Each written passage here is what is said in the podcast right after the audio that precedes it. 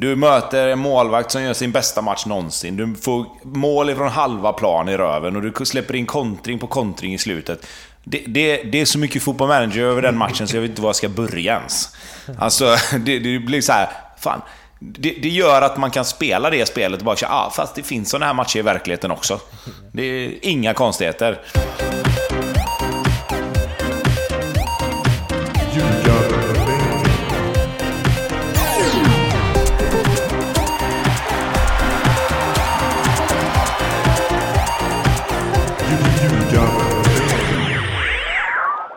Det här är Ljugarbänken i samarbete med Nordic Bet. Det spelas in sent direkt efter måndagens eh, omgång. Och eh, Tobbe, anledningen till att det är sent, förutom att det var en match som skulle slutföras, är ju att eh, ni har haft träning. Vad gör man i Kungsbacka city eh, måndagkvällar? Ja, det vi gjorde idag var att eh, välja de en och en halv timmarna under dagen som det faktiskt regnade idag. Men det är alltid bra ju. Ja, bollen går ju lite snabbare men det blir fortfarande inte lika kul att vara pisseblöt. Eh, men vad gjorde vi? Vi eh, värmde upp. Vi hade en eh, lite passningsövning och sen så var det lite kall med ljuset på planen. så att Tanken var att vi skulle spela ett eh, anfall mot försvar och tittat lite på det låga försvarsspelet i ja, framförallt i inläggslägen och sista tredjedelen. Eh, men i och med att vi inte fick igång ljuset så valde vi att spela först så att vi hade fått göra det. Och sen när ljuset kom igång så fick vi faktiskt gjort det andra med då. Så att egentligen skulle vi gjort det först och sen vävt in det i spelet såklart. Eh, I den ordningen. Men nu fick vi göra det tvärtom. Så att, eh, men det blev bra. Vi, eh, vi fick ut det vi ville av träningen och det... En liten shout-out till mina spelare faktiskt som trots eh, ihällande regn ändå var 20 man på plats. Så att eh, det var bra. Fan, eh, icke-fungerande strålkastare och eh, regn. Saknar du karriären Bobby? Nej, och jag kan helt ärligt säga att jag stängde av här nu när Tobbe gick igenom allting. Fan vad gott det inte att hålla på och lira boll längre.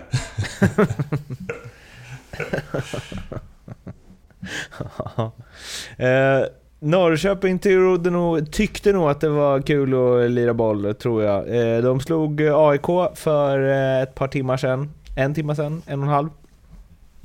Eh, med 2-0. Adegbenro Mål för tredje matchen i rad för första gången i karriären. Tydligen, tyckte jag eh, flashade förbi på Discovery. Eh, och eh, ja, han gjorde ju båda, båda på nick. Och nu är det väl bara att slå fast att det är eh, efter Jonathan Levi sa att den bästa spelaren han har spelat med, men jag har ju inte spelat med Messi, la han till efteråt. Eh, så eh, ja, men det är väl ett eh, superförvärv som Norrköping har gjort i Adegbenro. Det är väl inget snack? Ja, nej.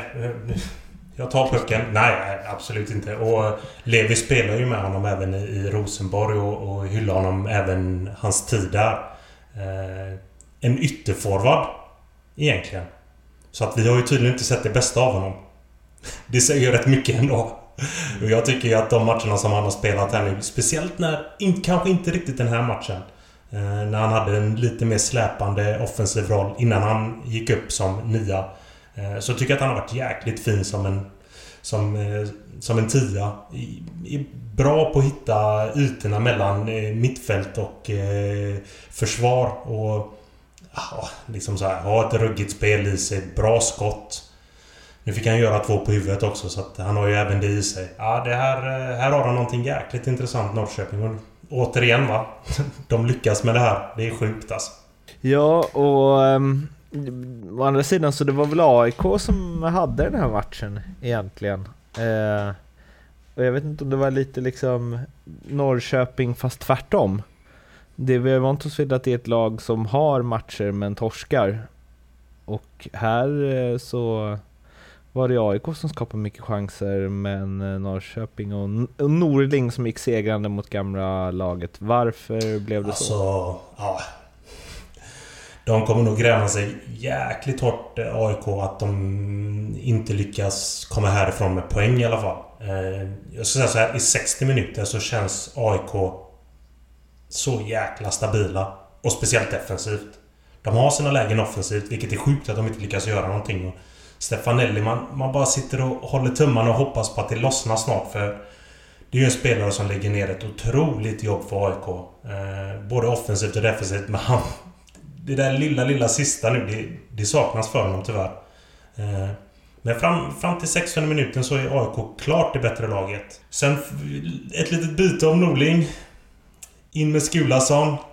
De gör, har ett jäkla fint eh, anfall på gång eh, Norrköping där de, där de får AIK att centrera hela sitt lag. Ut på kanten till Skulason som slår ett... Ja, ett jäkla fint inlägg som sitter på pannan på Adegbenro. Och vi har väl suttit här och diskuterat innan eh, sändningen här att fasen ska inte han ta den ändå alltså? Det känns som Janosevic ska ta den där bollen. Eh, men det är klart att eh, det är lätt att vara... Det är lätt att säga men det är, jag tycker att AIK eh, gör en jäkla fin match. De är förtjänta av mycket, mycket mer. Eh, men å andra sidan, Norrköping såg exakt likadant ut förra året när de hamnade i sin kärva. Så att det är väl lite gött att de får med sig lite, lite tre nu. Vi har ju varit inne på att det saknas en försvarsgeneral där. Eh, jag läste i förbifarten att Lars Krogh Gerson, som ju lämnade Norrköping inför säsongen efter att parterna inte hade kommit överens, han kan vara på väg tillbaka nu. Alltså, Det är någonting som är helt missat. Ja. Eh, ja men det stod ja. det. Eller har jag drömt där? Gerson, Norrköping, Norling. Eh, jo, för fyra dagar sedan stod det i Expressen att de har kontakt med honom. Han, det här är ju... Jag visste inte att han var i Racing Santander. Ja, klockrent. Eh, ja, verkligen. Det är en match made in heaven alltså. Eh, eller ja, uppenbarligen inte då eftersom han är tillbaks, eller på väg tillbaka till eh, Norden. Men eh, ja, jag kommer alltid tycka om IFK oavsett egentligen. Jag stänger inga dörrar. Det är precis vad de eh, behöver. Ja, de är ju... Vi har ju varit på dem lite att de ser lite tama ut defensivt. Å andra sidan så gör ju Lund, dansken, en jäkla fin match. Agardius, jättefin. Och sen eh, liksom Wahlqvist är... Han är king idag i, i backlinjen. Eh, han växer med den där lagkaptensbindeln och det är jäkligt kul att se. Eh, men det är klart att det, det behövs lite backup. Kastegren, där har de en, en, en fullgod ersättare till någon av de här tre men... Det är lite, lite tamt där bak ändå. Så att, eh, ja... Finns det möjlighet för att hämta hem Krog Gerson så hämta hem honom. Det är fint med Gerson också för då kan man ju värva liksom en mittback, vänsterback, innermittfältare, frisparksskytt. I ja, samma. och straffskytt också. Glöm inte det. Ja, straffskytt också. Exakt. Ja, eh, 2-0 till Norrköping där alltså. Vi eh, spolar tillbaks klockan ett par dagar. Håll, Malmö... håll en sekund bara, ja. innan du börjar med det. Är det bara jag som hör det här liksom ljudet som kommer lite då och då eller? Så länge det inte kommer in, alltså så länge det inte är hemma hos någon av oss, så är det ju lugnt. Ja, ja. Nej, jag, jag, grejen är att jag sitter, jag sitter i köket också och jag, vi har en jävla hiss här precis i köket. Så att jag kommer säga bryt om den hissjäveln kommer igång. Så vi vet det. Ja, ja. Nej, jag tänkte mer... Nej, det är mer att det, i, i mitt öra så låter det liksom... Så här helt plötsligt. Men om ni inte hör det så är det bara i mitt öra och då är det skitsamma ju. Okej. Okay. Martin, ja. du får klippa ihop det snyggt. Jag måste veta mer. Vadå en hiss i köket? Ja, men eh, alltså... Är det liksom restaurangen i bottenvåningen som bara skickar upp grejer? In, in till köket. Det är helt sjukt alltså. Mm -hmm. Så hissen är ju här och... Det där låter inte så bra. Jag har precis signat kontrakt för en ny lägenhet och där ligger hissen i sovrummet. Ja. Det kanske inte är någon höjdare. ja, jag kanske Jag får ta hjälp av Hassan Setinkaj eller någon för att bryta det där kontraktet. ja, eh, Malmö-Varberg i alla fall. Eh, 3-2 till MFF. Ehm, satt väl eh, en bit in. Jondal Jon Dahl Tomasson petade fyra spelare efter när man åkte på överkörningen mot Djurgården. De som kom in var ju ganska lyckosamma. Jag tror väl att två av målen gjordes av de spelarna i alla fall. Eh, och en tredje assisterade väl. Men visst, tre poäng är tre poäng. Men Tobbe, Malmö, alltså det är, det hackar lite. Ja, det får man väl ändå säga. Framförallt första halvlek var det ju eh, inte så bra. eh, får man väl säga. Jag tycker att eh, det såg lite omständigt ut. Eh, de kom inte riktigt upp i bolltempo. Det kändes som att de lite grann sprang och tittade på varandra. Att, eh, hoppas att någon annan gör det.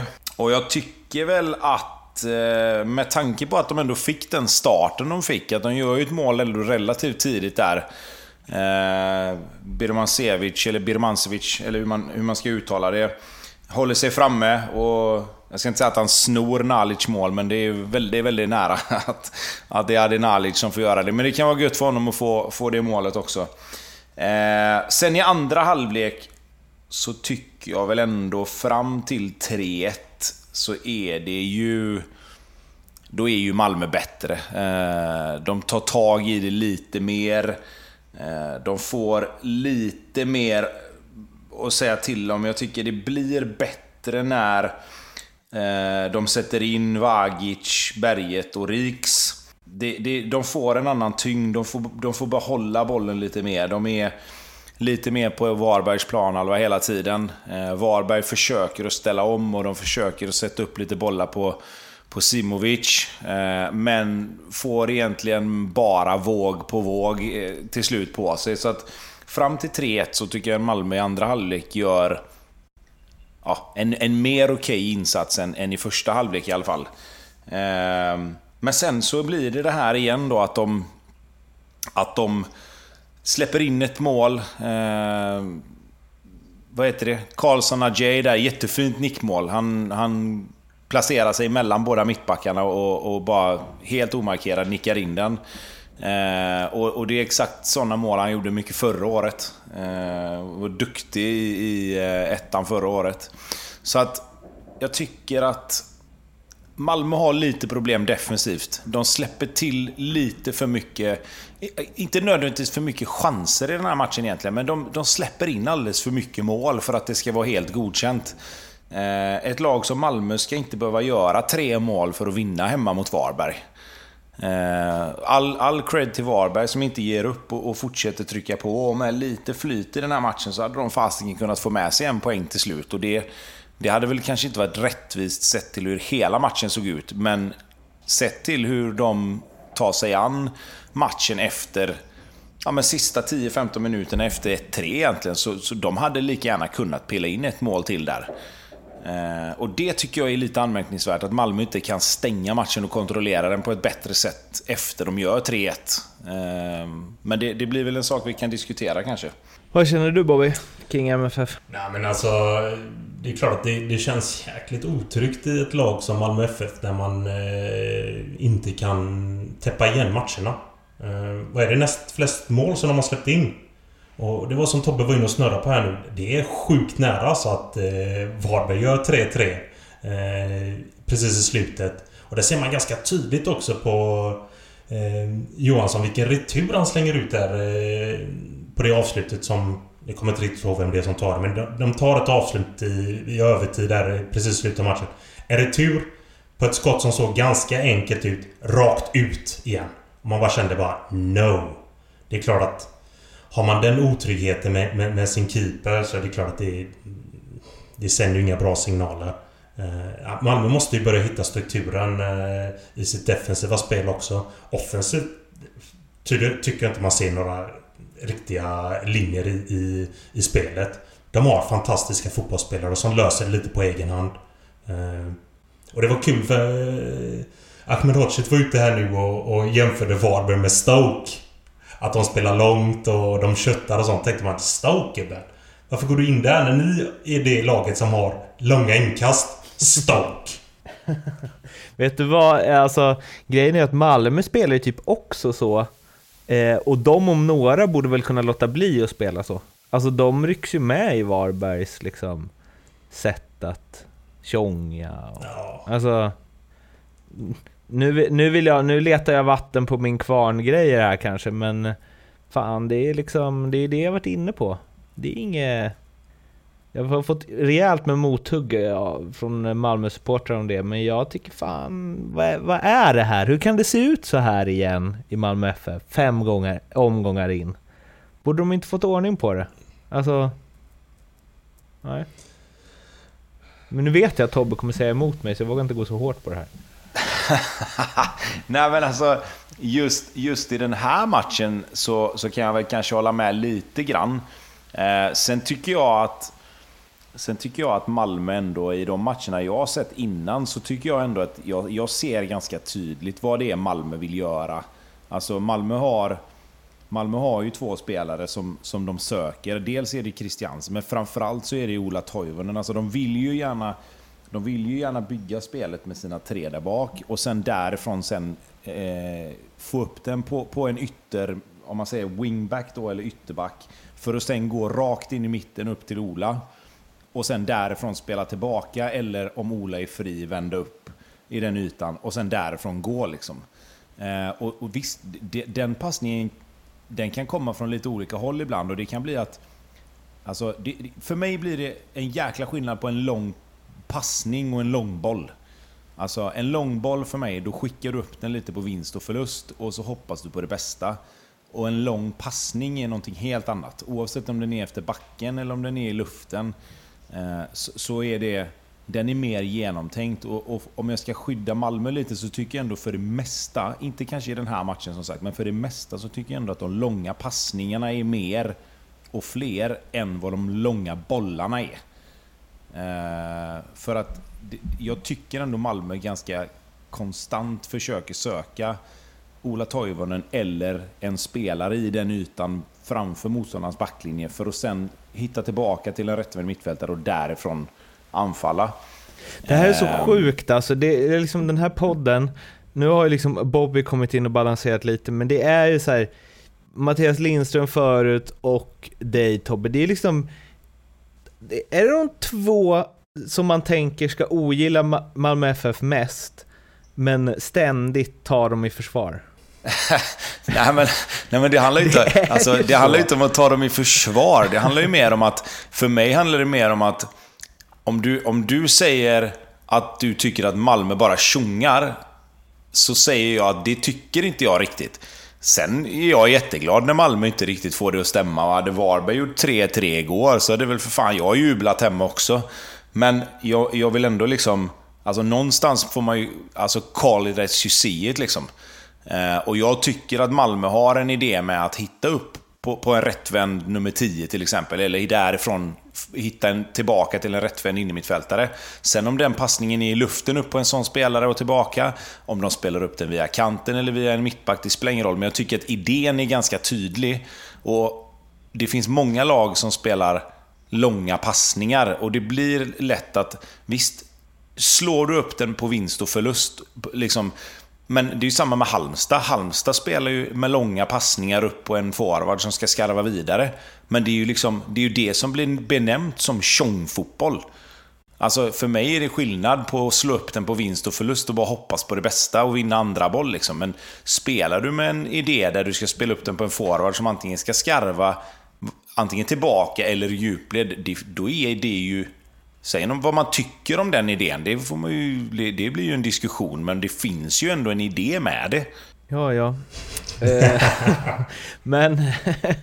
nu, Okej, okay, nu ska vi... Då testar jag med något annat då. Norling går... Det här är inte kopplat till någon eh, match riktigt, men eh, Norling har ju liksom gått i fronten för Jens Gustafsson, försvarat honom efter att Eh, bara Ben-podden hade en intervju med Max Markusson, tidigare klubbchef i Göteborg, där Markusson, eh, ja, det var väl inga det var väl inga superuttalanden om Jens Gustafsson där, att de skulle jagat honom innan de kom överens med Roland Nilsson. Han sa bara att om jag säger att Jens låg 100% fel så överdriver jag inte eh, ekonomiskt. Då. Eh, sedan var väl inte de referenserna som Pontus Farnerud kom tillbaka med helt översvallande heller. Norling bemötte det med eh, “det här mår man illa av, det är en fullständig smutskastning av en respekterad tränare och kollega. Han utges för att vara girig och inte hålla truten”. För Marksson var också inne på att det läckte ut att Jens Gustafsson var på väg till eh, AIK var det va? Eh, och att det också läckte ut att han var på väg till Göteborg då, så att det ska finnas någon kring honom eller han som eh, läcker ut saker i media, antydde ju Marcusson. Och eh, ja, Tobbe, det här är ju... Det är ju din klubb, så du får väl ta den först. Vad känner du kring dels Marcussons uttalande och dels Norlings eh, dragna lans för Jens Gustafsson? Ja, eh, om vi ska börja med, med vad Max sa så... Alltså, jag kan ju tycka att det, jag kan, tycka att det kan vara både eh, bra och dåligt att man är så pass givmild med vad man faktiskt berättar i en sån intervju. För att någonstans så handlar det ändå om att eh, ställer man upp på en intervju och, och så säger man ingenting, då, då, då kan man lika gärna skita i det tycker jag. Eh, sen finns det ju någonstans en gräns för vad som är, om man säger internt och någonstans hemligstämplat. Om vi nu ska prata liksom vad man får och inte får berätta vad som sägs. Eh, och där är väl gränspuck tycker jag om han ska gå in och prata om sådana här grejer. För att det här är ju ändå någonstans en arbetsintervju som görs och jag vet inte riktigt nu, nu, inte jag, nu ska jag vara ärlig och säga att jag har inte varit på asmånga arbetsintervjuer i mitt liv, men vad jag hade känt så är det ju någonting som ska stanna där. Eh, och sen så ska väl inte Blåvitt anklaga folk så jävla mycket för läckor och sånt. För så mycket som har kommit ut därifrån genom åren så är det väl knappast Jens Gustafssons fel att det läcker saker därifrån. Jag tror att de har fått ordning på det ganska bra, men ett tag så, så var ju fan allt ute i media. Eh, så att där ska man nog kanske sopa undan framför sin egen dörr först. Eh, sen vad gäller Norling så tycker jag det är helt rätt. Eh, tränare kontra tränare. Ja, jag tycker, jag tycker ändå det. Jag, tycker det jag tycker det känns bra på något sätt att, att tränare ändå står upp för varandra. och De är ändå kollegor och, och någonstans Oavsett om man är rivaler och, och, och slåss lite grann om samma jobb och han har tagit över efter Jensa nu liksom, så, så tycker jag det kan finnas en... Det kan finnas någonting fint i att, att de håller varandra om ryggen lite grann och, och, och hjälper varandra och, och, står upp för varandra där. Så det, det, det, får jag nog ändå säga att jag tycker är helt okej. Okay. Uh, sen, sen kan man givetvis välja sina ord där också såklart. Men, men uh, ja, jag vet inte. Det är väl vad jag tycker kanske. Vad känner du Bobby kring hela, hela alltet? Jag har inte varit inne och snurrat så jävla mycket i den här. Jag har läst lite bitvis om vad som... Bra, diplomatiskt Vad som har sagts. Men det är klart att det finns... Så, här är det. Det finns en lite så här halvsmutsig Code of Honor eh, när det gäller så här, Även om det gäller spelare eller tränare. Vad som sägs mellan de stängda dörrarna i en diskussion om ett kontrakt. Det håller man där. Jätteenkelt. Att det, att det sipprar ut så här på det här sättet som det gjort, det får ju eh, Jens att se jäkligt girig ut och det... Det blir någonstans jäkligt fel. Eh, sen, eh, det är klart att han... Han kanske var jävligt girig. I den situationen han var i. Så... Absolut. Och sen att eh, Norling... Eh, när Norling går ut. Jag, jag, för mig är det bara... Det är märkligt att inte fler tränare går ut och, och stöttar. Jag, fan, de, alla de här ska hålla varandra om ryggen även om de inte fightas som samma jobb. Det är min take på det. Nu har det blivit dags för lite speltips och eh, ja, Leopold Neurath och eh, Andreas hos eh, NordicBet, de är ju de är inte sådana som jobbar dygnet runt direkt, kan man inte påstå. Det är lite paddelmatcher och det är lite ja, all, allsköns slappning så att säga, eh, medan vi gnuggar på. Så när de inte finns eh, till hands, då sätter vi våra egna odds. Ja, men lite så. Ja. Eh, vi får ju någonstans ta traditionen vidare här, eh, när de lyser med sin frånvaro. Ja, verkligen. Så att vi har, vi har faktiskt löst egna grejer under dagen här. Vi ska väl, vi ska väl erkänna att eh, de har hjälpt oss lite grann. Ja, lite så att vi, det är inte så att vi har hittat på våra egna odds och bara nu kör vi här. eh, så att eh, jag pratade lite, mässade lite, kollade lite och eh, nu är vi ju där igen då att jag fortfarande aldrig har rätt. Men jag nu har jag fan med kört det safeaste jag någonsin kan här i nästa omgång. Eh, så jag säger ju att Djurgården, eh, Häcken och Norrköping vinner. Och eh, Häcken är väl den som jag nästan tror är säkrast. Även om de inte har vunnit än så möter de Örebro hemma. Mm. Och Visst, ett Örebro som visserligen vann nu då och Häcken som fortfarande inte har vunnit. Men den, de måste få islossning någon gång snart. Eh, Tänkte ni på att. Örebro eh, jublade som om de hade vunnit Champions League?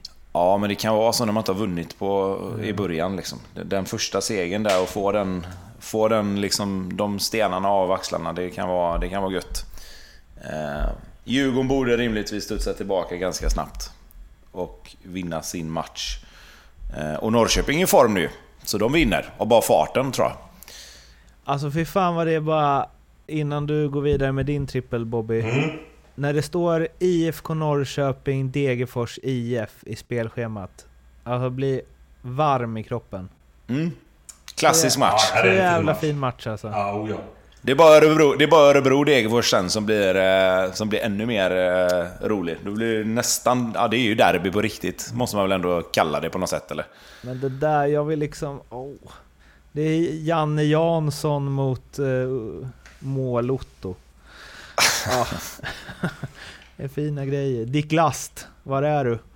Precis. Uh, ja, uh, Bobby, du har också en trippel. Eh, det har jag. Eh, jag har eh, Hammarby borta mot Varberg. Sen har jag Kalmar mot Göteborg. En gräsmatch. Två gräslag. Jag har faktiskt under 2,5 mål där.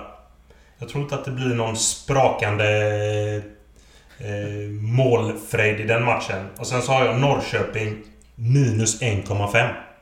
Alltså att de ska vinna med mer än ett mål. Mot Degen. Och, och det både tror och hoppas jag på att de gör. Och, du får 10 gånger pengarna på den Bobby. Ja, och du får 3,50 Tobbe, så det vore väl själva...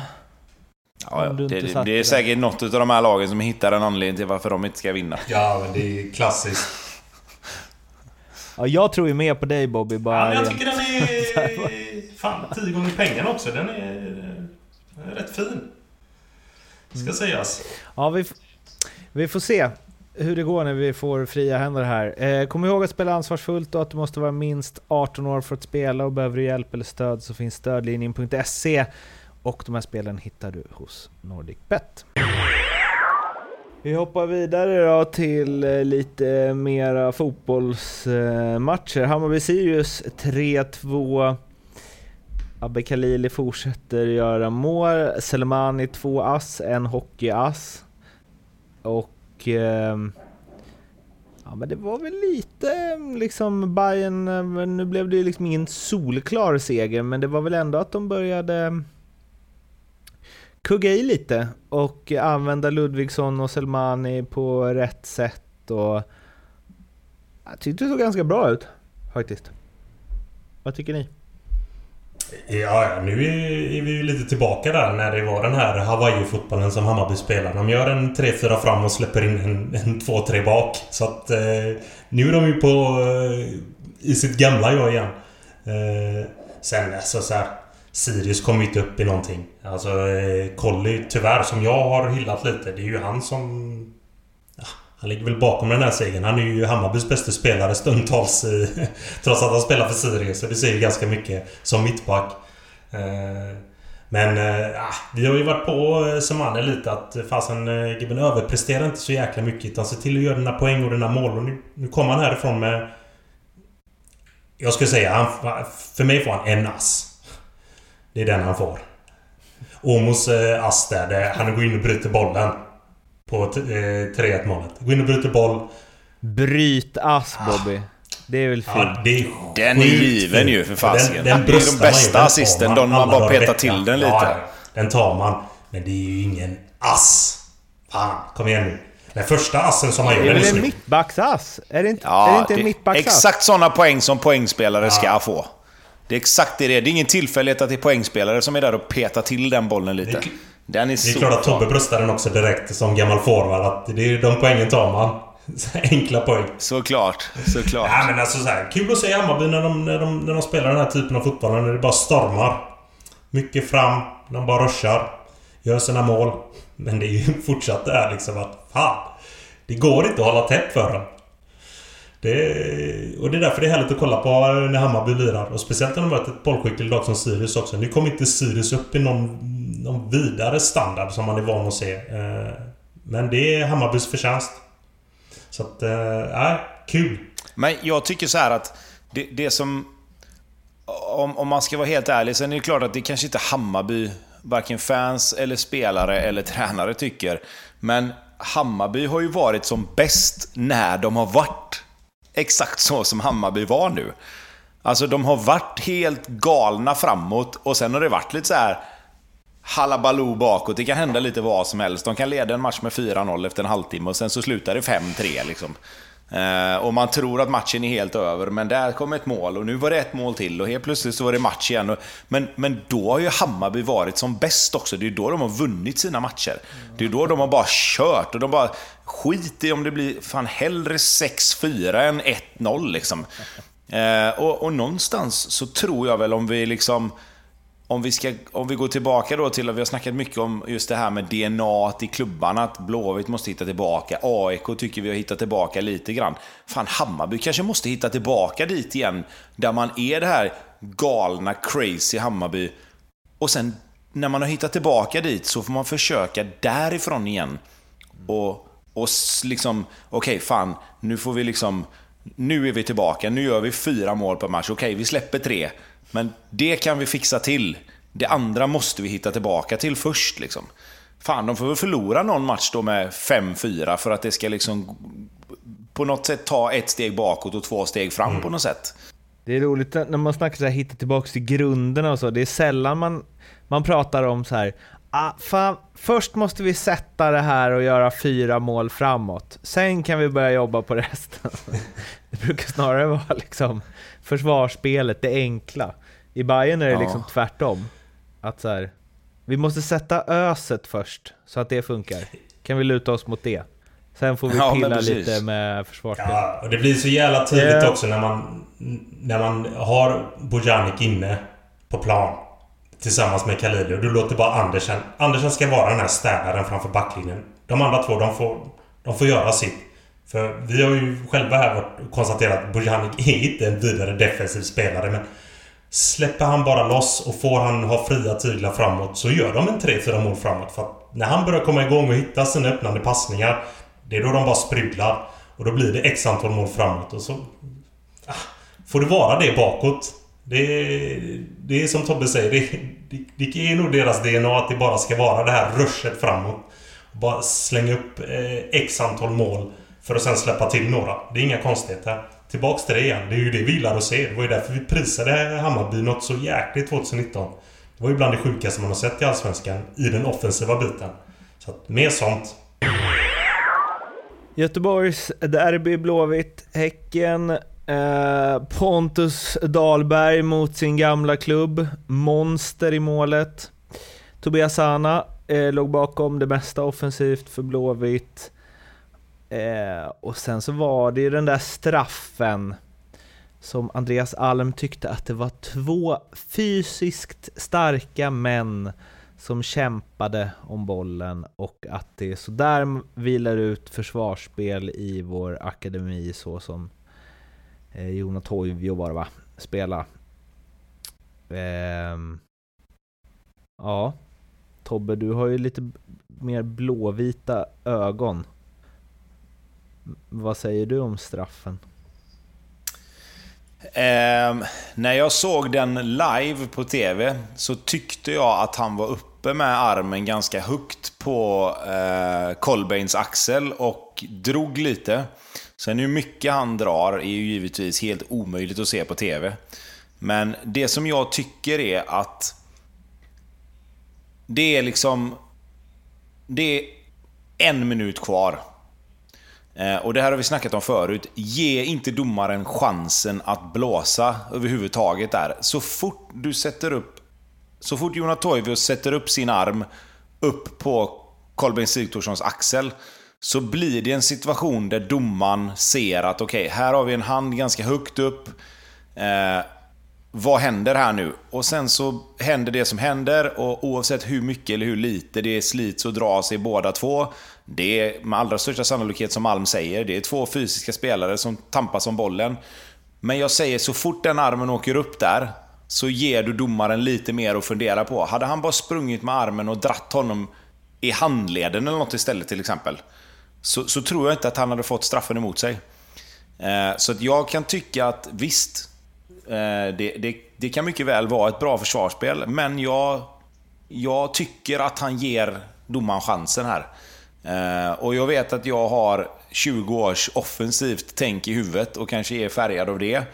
Och kanske har lite mer blåvita ögon än, än eh, eh svartgula. Men jag tycker ändå det är 50-50 när armen kommer upp. Ehm, sen, sen hade man fått den emot sig så hade man säkert varit vansinnig. Precis som det ska vara och precis som det var. Klart att Häcken tycker inte det är straff, Blåvitt tycker den är solklar. Eh, ja, det är, väl så, det är väl så det funkar antar jag. Bobby, du ska snart få se vad du tycker, men eh, den är ju inte... Den är ju mer inte straffen solklar, säger jag. Över till Bobby. eh, eh, Tobbe var inne på att, det var, att han tyckte att det var bra defensivt av Toivio. Jag tycker det är uselt eh, spel av Toivio i första momentet. Du vet att du möter ett monster. Inte upp i rygg i ett sånt läge på honom där.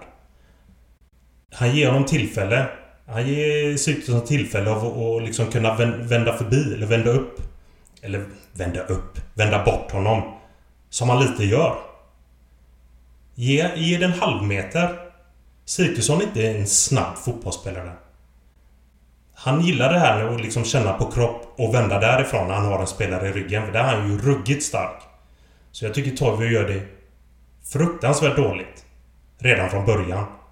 Sen absolut. Det där är, det där är inte straff.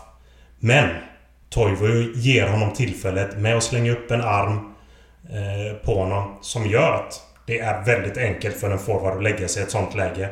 Vi har sett det förr. Vi kommer fortsätta att se det. Och i en sån här situation i den här matchen där de fick en jäkligt märklig hörna eh, Häcken med sig. Och det blev ett jävla liv. Visst fan ligger det lite i bakhuvudet på den här domaren. Att hej, här kommer tillfälle här nu när jag kan blåsa en jävla billig straff men jag tar den. Så han tog den. Mm.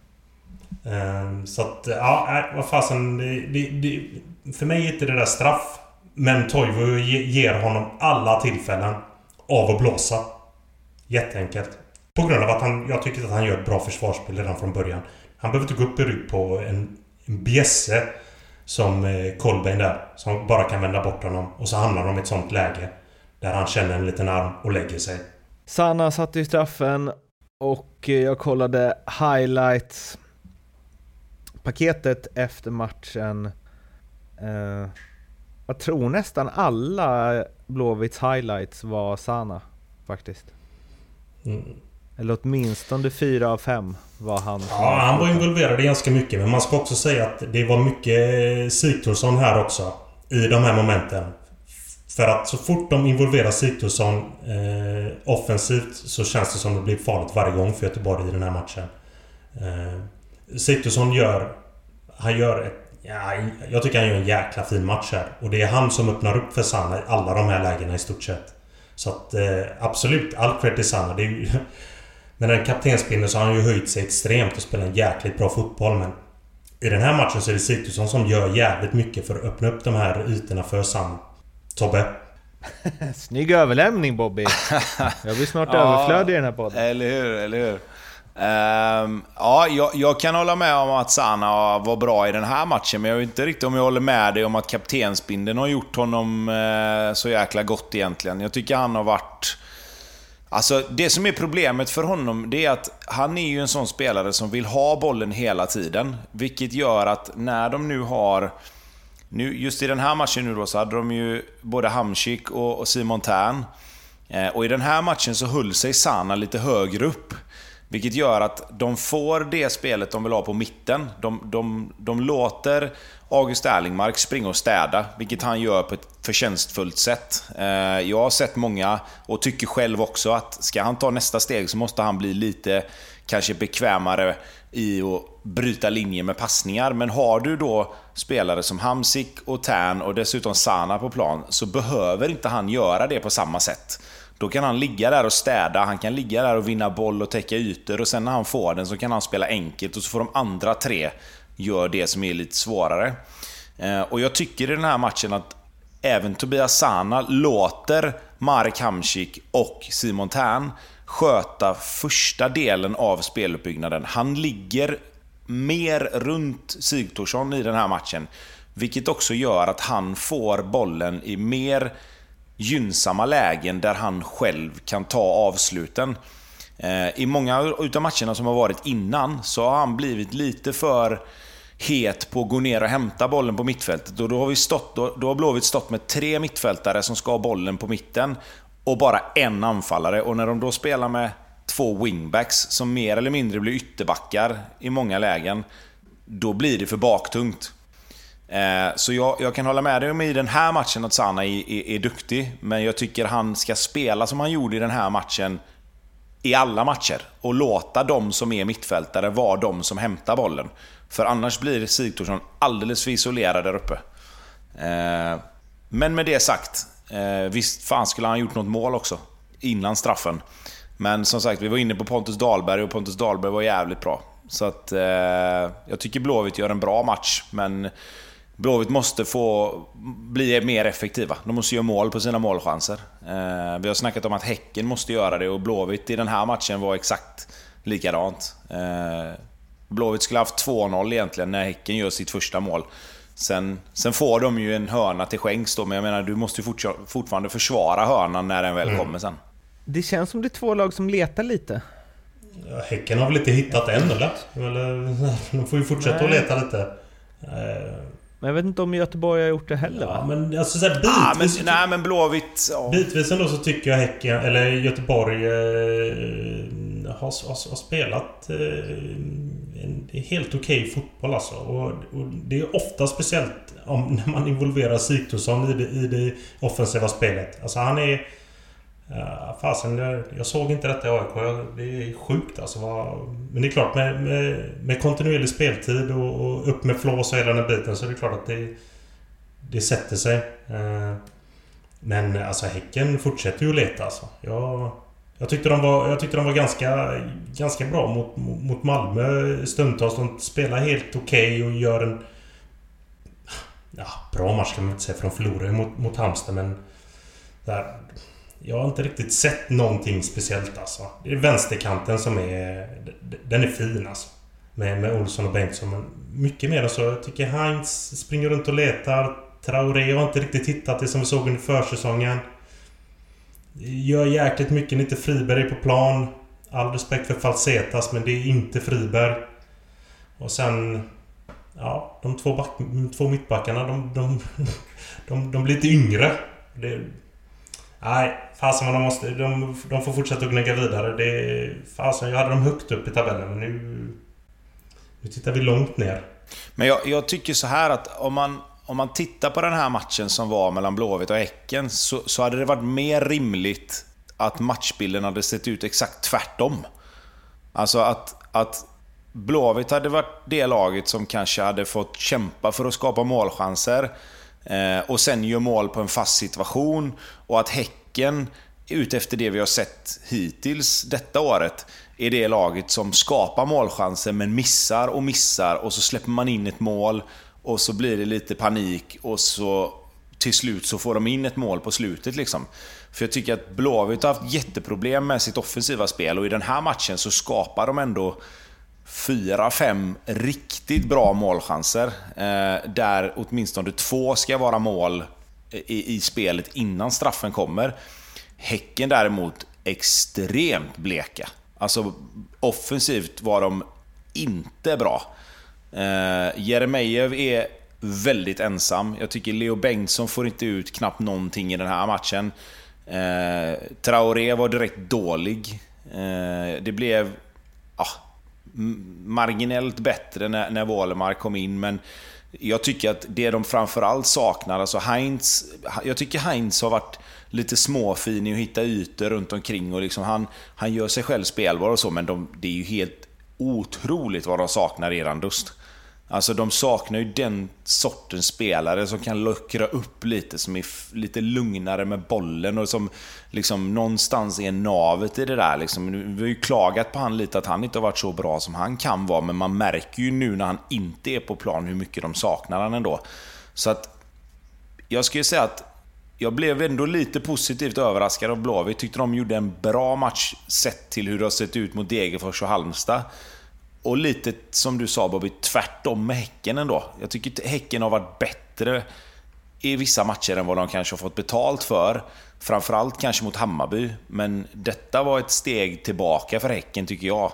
Även om de var nära att få med sig segern så tycker inte jag att de eh, gjorde någon bra match. Läckra upp. Eh, behöver man fler spelare som gör?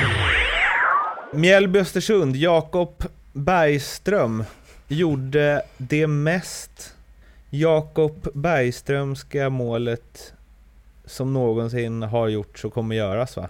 Ja, för fan. Ja. Fy fan vilket ja, gött mål det var. Alltså. Jäklar alltså. Det, det är så... Ja, jag vet inte fasiken alltså. Jag fick så här liksom... Ja, jag vet inte fan. Jag blev så här varm i kroppen nästan man såg det målet. Han på att slå ihjäl sig verkligen, men bolljäveln skulle bara in. Eh, fantastiskt fotbollsmål. Inte det mest estetiska och inte det mest vackra fotbollsmålet, men, men ett jävla... Ett bra jävla fotbollsmål alltså. Verkligen. Vi eh, skickar en tanke till eh, målramen där. Och revbenen. Ordentlig smäll. Ja, ja. Det är nice att han bara reser sig ja, upp direkt. Det är liksom krigare. inget. Fan som man går igång på det så in i helvete när man ser det där. Det är helt sjukt alltså. Vackert. Ja. Det kan ju inte finnas någon som inte gillar Jakob Bergström. Alltså, det är liksom urtypen allsvensk forward.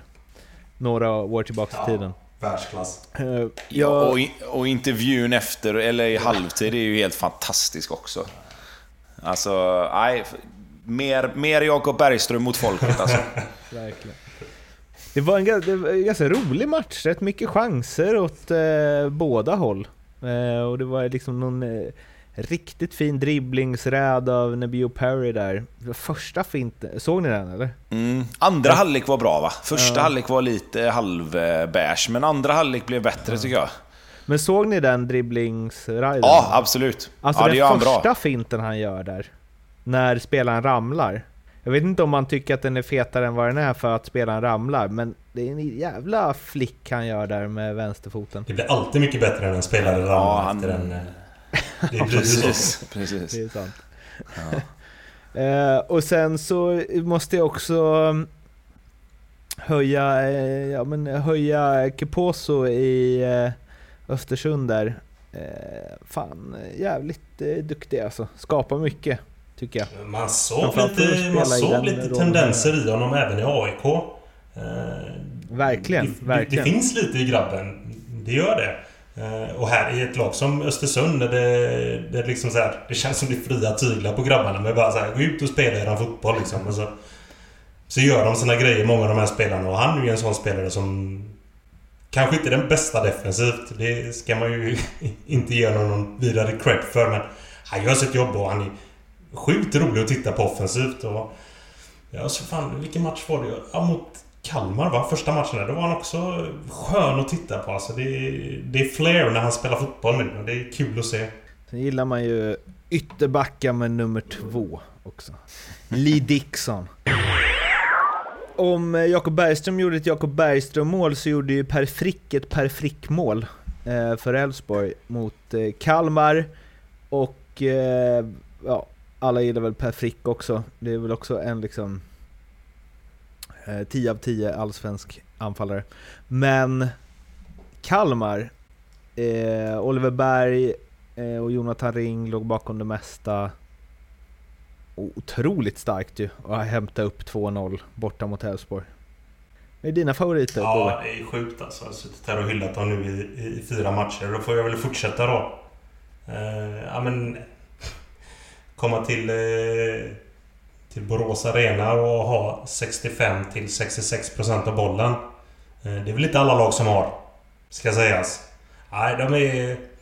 Det, så här, de är riktigt tafatta stundtals i eh, den offensiva tredjedelen. Det händer lite för lite med tanke på hur mycket boll de har. Men när Ring börjar liksom komma igång och luckra upp, ja, då händer det grejer. Då händer det jäkligt bra med grejer. Och vi sitter här och bara håller tummarna på att eh, Fröling ska komma in i det här nu. Nu var han ju på väg in. Så gör de 2-1. Då sätter de honom på bänken igen. Så att, eh, ja, vi var på väg att se det och alltså, det är sjukt alltså vad det är. Eh, ja, det är grymt kul att titta på dem. Och de... Elfsborg får ju... Men förvandling de genomgått. Ja, ja, ja men det blir bara så här, hur? Alltså hur är det möjligt? Med de där spelarna tänker man.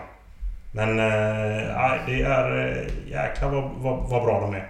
Och det, de spelar en jäkla fin fotboll också. Och så kom ju min favorit in också. Jag hoppas på att få se honom lite mer. Men ja, vi fick, jag fick se honom lite... Men Emir Nouri vill jag ju se i det här spelet. Alltså, jag kan ju bara tänka mig att han har utvecklats extremt mycket som fotbollsspelare nu också. Jag vill se honom mer. Är det liksom... Alltså är han... Är han den spelaren i hela Allsvenskan som de senaste tio åren gått mest under radarn? Alltså det är helt sjukt, han har liksom gjort 263 matcher för Kalmar på 12, 13 år. Och det är jävligt sällan man snackar i Minori. Det var när han fick något utbrott på Nebojsa Nevakovic och Nabil Bahoui. Ja, han har inte bara fått ett utbrott. Han har ju, Nej, det är väl de rubrikerna han har fått. Ja men det, ja, det, det här att han har gått under radarn, det har han ju definitivt gjort. Det ja, jag vill se honom mer. Det vore jäkligt kul att se om han eh, har fått någon eh, utväxling av, av det här eh, spelet som de spelar Kalmar.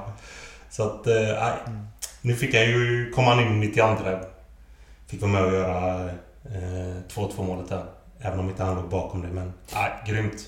Jag sitter och hyllar Kalmar hela tiden men de ska fan ha det alltså. De spelar jäkla fin fotboll. Det är bara den sista tredjedelen där. Med så mycket boll som man har så skapar de ändå inte de superheta chanserna. Sen att både den här matchen och matchen innan mot Sirius Tänker jag, nu klappar de ihop fullständigt mot Sirius när Sirius är 1-0. Då gör de ju 1-1 ganska omgående. Det är väl likadant här när Elfsborg gör 2-1. Eller med 2-0, ursäkta.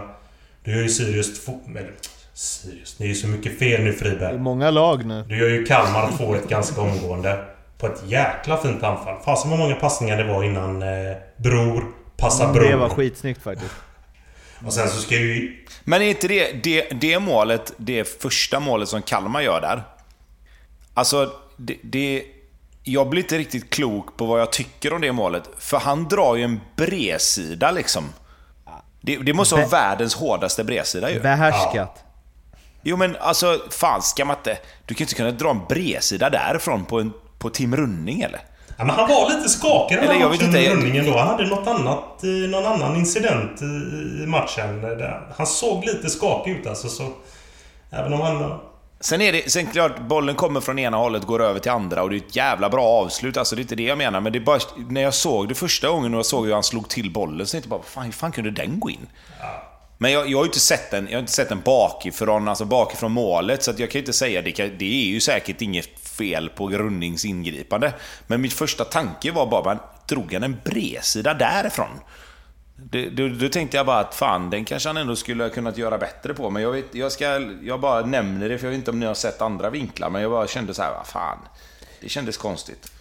Men det är en jävla fint avslut ja, dock. Jävla konstgräs. Det är det. Håll bollen på marken bara, så rullar den säkert in. Sjukt alltså. Ja, det är tips man ofta får i avslutningslägen. Att håll bollen på marken bara. Träffa mål. Ja, träffa, träffa mål. Eh, vet ni hur många mål Emil Nouri gjort på 263 matcher i Kalmar? Eh, jag ska säga ett.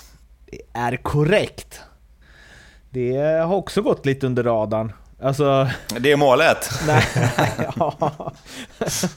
ja, jo men faktiskt. Alltså, det kändes som när så Per Karlsson gjorde mål för första gången på hundra år, då blev det ett jävla liv och rubriker och allting. Men det var liksom, jag kommer inte ihåg några helsidor från när Emin Nouri gjorde i sitt Nej. enda mål i Kalmar. Å andra sidan, det kan ha varit ganska tidigt. Han, han inledde ju sina eh, 13 år i Kalmar med att vinna SM-guld. Man kan ju tänka hur han såg att så här, oh nice. Här, Cesar Santin. Vad hette Ja, han då? Ari... Ari da Silva. Ari. Det var långt innan va? Nej, han var inte... Ja, det kanske det var. Ja, men eh, några random brassar. Att han kände att nu har jag kommit rätt. Och sen liksom bara sakta, sakta, sakta nerför. Ehm, men eh, ja, fan all heder åt honom att man... Eh, jag håller ju på alla spelare i Allsvenskan som är äldre än, eh, än mig själv. För att det känns skönt på något sätt att det fortfarande finns allsvenska spelare som är äldre än mig. Vad har vi mer då? Förutom eh, underbar Kevin. Örebro, tre poäng. Det kors i taket. Ja, det var väl... Eh, det, man kan väl säga så här att Örebro fick tre poäng i den här matchen. Eh, och det ska de nog... Det ska nog egentligen vara det enda de tar med sig därifrån skulle jag säga. Första halvlek var mer jämn, andra halvlek var det spel på ett mål egentligen, tycker jag. Eh, sen förstår jag att Örebro backar hem och bevakar sin ledning och, och liksom sådär. Men ska man på något sätt bygga vidare på det här så måste ju Örebro våga ha ett lite mer eget spel även om de tar ledningen. För att som det blev nu så var det nästan... Ah, de, de, de tog ledningen och så backade de hem och sen hade Halmstad bollen. Alltså det kändes som Halmstad hade bollen hela tiden. Alltså de- de, de bara rulla och rulla och rulla. Sen skapar inte Halmstad jättemycket heta målchanser. Så de försvarar sig jävligt bra Örebro, men de blir väldigt, väldigt låga. Och i alltså, nio fall av tio så, så åker man ju dit på ett mål på något sätt i en sån match.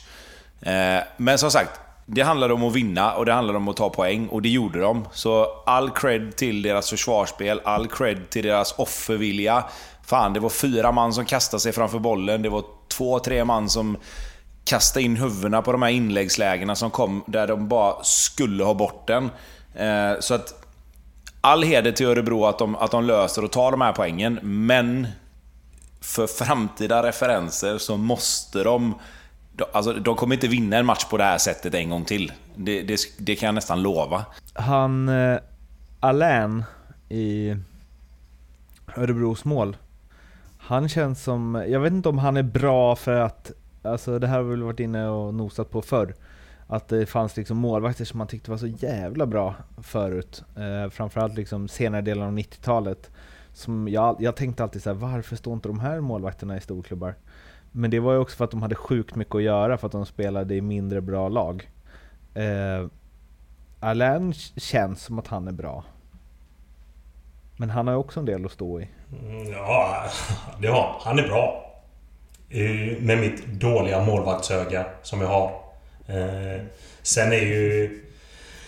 Örebro är ju, är ju duktiga på att plocka in eh, bra målvakter. Ska sägas. De, där är ju scoutingen, där är ju scoutingen vass.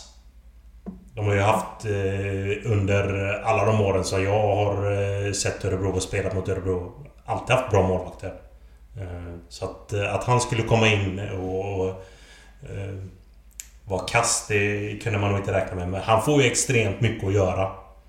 Ska sägas. För att den backlinjen och det defensiva mittfältet han har framför sig. Alltså han får inte mycket hjälp i de här matcherna som han har spelat nu. Så att... eh, Ja men det är ju gött för honom också att han kliver fram i en sån här match. För han, han är bra i den här matchen. Eh, Och jag var ju där och lite halvsåg. Jag gjorde jag inte. Jag, jag hade ingen koll på honom. Jag gav ju inte han några vidare betyg. Och det borde jag ju haft koll på med tanke på att Örebro alltid haft bra målvakter. Så att... eh, Ja, nej, där har de varit bra. Men de behöver scouta lite annat. Jag gillar ändå att liksom ett underpresterande, eller underpresterande, ett dåligt allsvenskt eh, Örebro har liksom en fransk rätt bra mål liksom. Ja, coolt namn också. Det, ja, det, fin, det finns något i det. Det är också allsvenskan. På sitt sätt. En annan sak som är jävligt mycket i Allsvenskan är ju att Degerfors dänger dit Djurgården med 2-0 efter att Viktor Edvardsen bankat in 1-0 med fem minuter kvar från halva plan. Ja, det, alltså hade, hade, jag inte, hade jag inte vetat bättre, så när jag tittade på den här matchen innan, under och sen efter på statistiken så hade jag kunnat lika gärna bara copy-paste från valfri fotboll manager-match i alla jävla år man har spelat det spelet. För att det slår aldrig fel när du kommer och har vunnit så som Djurgården gör. Spelar skjortan av Malmö FF veckan innan. Och så kommer du till ett lite mindre ställe. Det är en lite mindre mysig arena. Du ska spela på lite annat underlag än vad du är van vid, men du ska bara åka dit, du ska hämta tre poäng, alla förväntar sig det, och så tar det bara bomstopp. Du möter en målvakt som gör sin bästa match någonsin. Du får mål ifrån halva plan i röven och du släpper in kontring på kontring i slutet. Det, det, det är så mycket fotboll manager över den matchen så jag vet inte var jag ska börja ens. Alltså, det, det blir så här, fan. Det, det, gör att man kan spela det spelet och bara säga ah, fast det finns sådana här matcher i verkligheten också. Det är inga konstigheter. Nej, jag, alltså, jag, tycker inte, jag tycker inte Djurgården är dåliga egentligen. Alltså, visst, de, de är inte riktigt lika skarpa och inte riktigt lika beslutsamma som de har varit i, i de andra matcherna, men de gör ju fortfarande tillräckligt mycket för att kanske ändå leda den här matchen någonstans när Degerfors väl gör sitt första mål. Eh, för det målet kommer ju liksom... Alltså normalt sett är ju den här, är det här en match som Djurgården åker hem och så har de 0-0 då. Då är det liksom så här: okej, okay, fan det blev 0-0, vi fick inte hål på dem liksom. Men, men det målet som Viktor Evardsen gör, det första målet, vi har, ju, vi har varit inne på det här förut i, i podden, hur svårt är det att göra det målet liksom? Det där är inte lätt. Nej, för den här bollen studsar dessutom. Det, det är liksom inte så att, den, att, det är inte så att han får den, putter fram den lite och den ligger stilla på liggande boll och han bara drar iväg den. För tittar man på det här målet, han drar den nästan...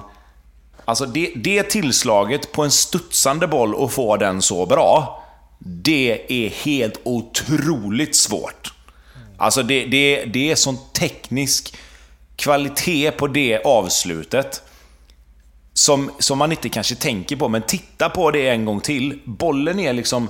Den har precis studsat upp och han drar till den med egentligen samma tillslag som att bollen ligger still på mm. marken. Och att få den träffen då är fan inte lätt alltså. Det, det är ett helt otroligt avslut. Ja, jag är ju inget fan av sådana där mål, men det här var faktiskt snyggt. Alltså, du är inte fan av sådana där mål? Bank... Nej men jag gillar inte från... Alltså, om, jag gillar inte när så här, målvakten står långt ut, någon uppmärksam... Alltså jag tycker inte det är så snyggt liksom. Jag vill, jag, jag vill, att det ska vara liksom stenhårt, kryssribba in. Bollen är på väg uppåt, inte neråt. Alltså... Ja, jag, jag har svårt för sånt där. Irandus här om året, det, jag känner... Eller var det i år? Nej, det var förra året mot Sirius. Nej, han har inte spelat i år än. Nej, eh, det, det känner jag liksom inget för. Det tycker jag bara är så, Det är inte snyggare än Sebastian Rings mot Elfsborg. Liksom. Men det här ja. gillar jag. Ja, fan. Också för att det var ett så här hårt skott som jag tänker att så här, även om han hade stått lite bättre, eh, Divs keeper, så hade han ändå haft lite strul med det. Liksom. För att det var ett så bra... Och, men och så här då, Edvardsen, alltså applåd verkligen. Men är det mening... Är det liksom så här, tekniskt svårt nummer, absolut. Men hade inte den där kunnat hamna lite var som helst? Jo, men jo, jo, alltså, jo, det hade den ju kunnat göra. Men det, det kan man väl säga om alla skott, eller? Alltså, träffar du bollen fel så är det klart den går åt helvete. Men, men att han träffar den så bra som han gör är jäkligt svårt. Sen att det... Sen om han får 50 sådana försök så kanske han inte gör samma sak mer än 5-6 gånger. Det vet man ju inte. Alltså, men, men just att det är skitsamma ju. Ja. Det, alltså, ja, jag vet inte vad man ska jämföra med, men jag menar, ja, men ta vilket mål som helst som är jävligt fint. Ronaldos bicykleta mot, mot uh, Juventus när han fortfarande... Eller, ja, det var väl Juventus de mötte då. Den gör ju inte han om... Om han får 100 försök så sätter ju inte han den 100 gånger.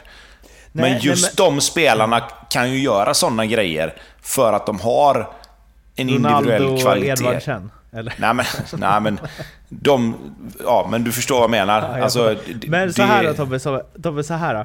Jag menar att när Zidane eh, gjorde mål mot Leverkusen i Champions League-finalen. Det är liksom Ja, den och- gör han två gånger på hundra. Nej, Jo, det gör han. inte Zidane. Jo. Nej, nej. Ja, okej. Eh, Alltså grejen är så här. där tänker jag, han har koll på grejerna. Den... Bobby, hjälp mig här Ja, nu. alltså, Men jag, jag veta... Den- Hur många tror du han sätter då? Av den där? Ja, men 5 av 10 i alla fall.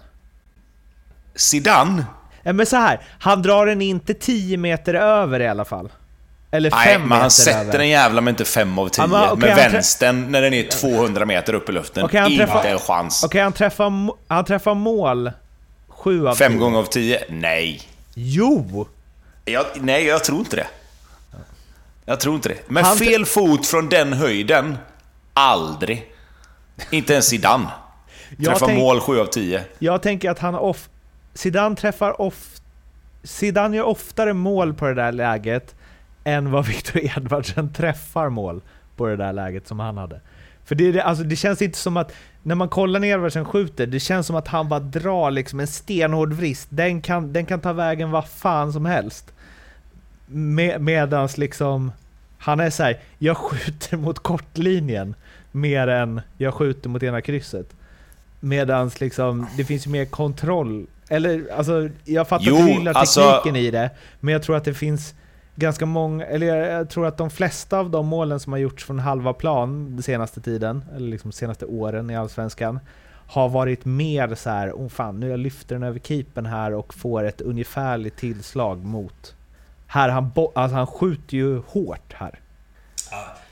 Ja, alltså jag, jag ska säga så här. Det som Zidane gör är ju svårare än vad det som Viktor Edvardsen gör. Med fel fot. Ja, alltså oavsett. När bollen är så högt i luften som den ändå är, att tajma den så som han gör och dra den på volley, oavsett om det är rätt eller fel fot, det är jättemycket svårare på ett sätt. Men jag säger också att inte ens Zidane, om han får 50 sådana chanser, drar upp den i krysset som, som han gör mer än max en gång till. nej. Jag tror inte det alltså. alltså. Att han träffar mål, fine, och han kan säkert få... Alltså han kan säkert liksom dra en vänstervolley ner i andra hörnet kanske, för om man får en bra träff. Men exakt så, aldrig mer än två, tre gånger. Nej, Alltså. vet, vet, du vad? Fan, nu lägger vi ner det här. Alltså, all respekt till Edvardsen, men att slänga in det jävla skottet och börja jämföra med Ronaldo och Zidane. Äh, nu är vi helt ute och cyklar med det där. Det är ett jävla fint avslut. Ja, vi- Och till råga på allt så är det ju vi- faktiskt eh, Djurgårdens två bästa spelare de här fem, fem matcherna som ställer till det där. Vittry och Schüller. Ja, vitt. Det, det säger ju jävligt mycket om den här matchen faktiskt. Och Edvardsens andra mål, det tycker jag är, alltså det är liksom... Eh, om han inte hade gjort det första hade han aldrig gjort det andra. Det är liksom, det är en sån slapp mottagning. Alltså det är så här när man själv lirar, man ska så här, ta med sig den och så bara fastnar bollen lite grann. Och, man bara, och backen kommer ex, nästan i fatt. Och så bara vinklar han den liksom så här iskallt förbi. Alltså, det- har inte Det han där är ett satt forwardsmål. Ja men har- inte han satt den innan, är han liksom på noll mål innan, då petar han den där utanför. Eller håller i tills backen kommer i fatt. Men nu Ja, är det som att han är jag- i ett flow. Jag var helt Ja, säker fast- på att han skulle sumpa den där, men sen Ja, bara... fast jag kan tycka, jag kan hålla med till viss del att man har en lite annan självklarhet när man redan har gjort ett mål, att självförtroendet är lite uppe och man, man liksom så. Men jag tycker att Viktor Edvardsen är en, han är en bra avslutare. Alltså det jag har sett av honom så är det en bra avslutare. Han har rätt många strängar på sin lyra vad gäller avslut. Eh, nu har inte han fått visa det så mycket kanske i Allsvenskan hittills, men jag tycker ni har sett Superettan förra året och även träningsmatcherna och cupmatcherna där han har gjort mål. Han, han kan avsluta på rätt många olika sätt och det han gör på det andra målet är att han missar mottagningen lite, men det han gör sen för att rädda upp det, det är att han drar med sig bollen över till sin vänsterfot för att ta bollen bort från backen. Och sen avslutar han med höger yttersida istället för vänster bredsida. Det må ju vara hänt. Alltså det, är ju, det gör man ju, det är ju en smaksak mer. Eh, men han, han, när han märker att han missar mottaget så drar han med sig bollen bort från backen för att han vet att okej, han kommer komma ikapp här annars. För det här första, första touchen var för dålig. Eh, och det för mig är, är också en, en kvalitet som inte alla bara naturligt gör. Eh, och och där, där, där skulle jag vilja lägga det på att han är en målskytt ändå. För det, jag kan hålla med dig till viss del att han har redan gjort ett mål. Men, men just Viktor tror jag hade gjort så oavsett. Eh, sen kanske inte han hade gjort mål. Om, har man lite dåligt självförtroende så kanske man stressar lite. Det är väl snarare det då, att nu har han gjort ett mål redan. Han behöver inte stressa. Det är 92 minuten. Om han missar så är det inte hela världen kanske. Visst, Djurgården kanske hade gått upp och gjort mål och så hade han fått ångra det.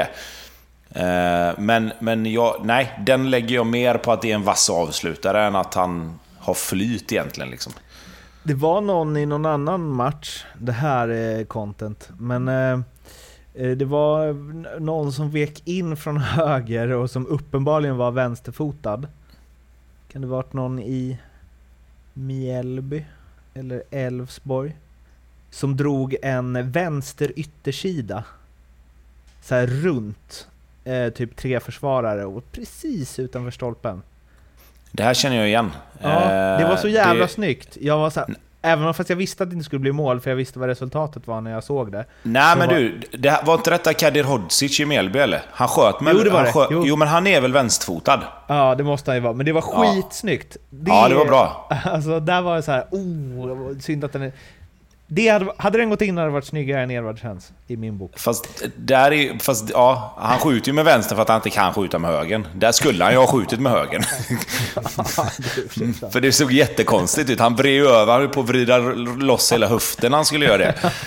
Men, eh, men jag håller med dig, såna, yttersidor är alltid snygga mål. Alltså det bästa är om man... om man har...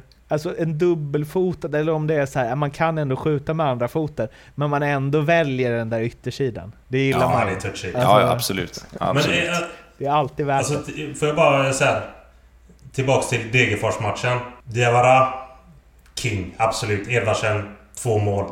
Men han här, Ajash. Herregud alltså, vilken bolllirare.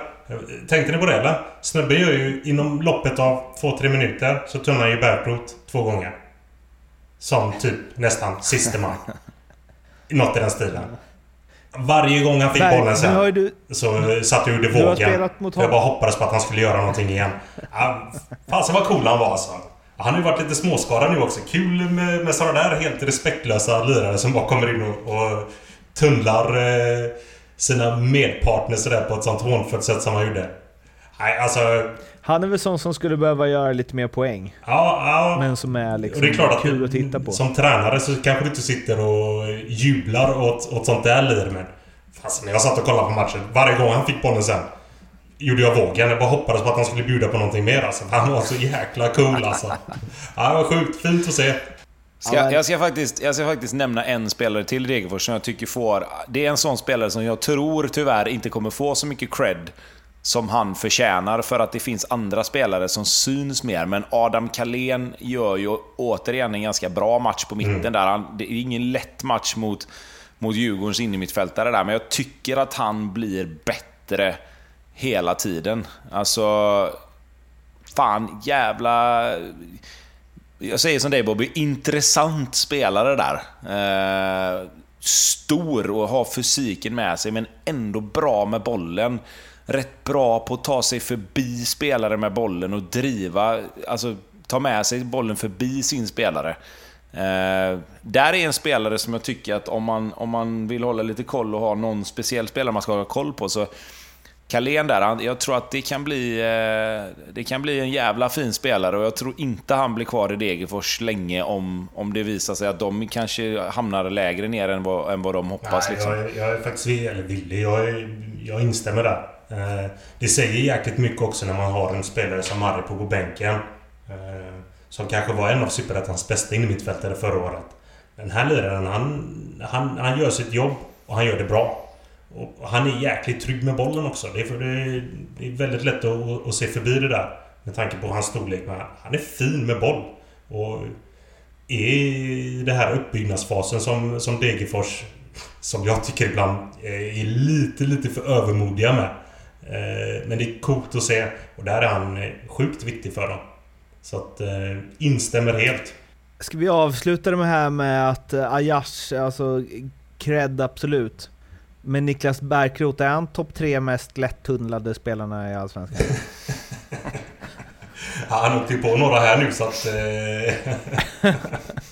Eller var det Radetinac som åkte på Fan, det, bo det, borde ju inte, det borde inte vara så. Jag har rätt ja. korta ben eller? Ja, men hans aura är ändå att liksom, han kan slå en tunnel men han kan definitivt åka på en också. Men det är ju oftast de här bilarna som är lättast att tunnla. De som försöker med tunnlarna.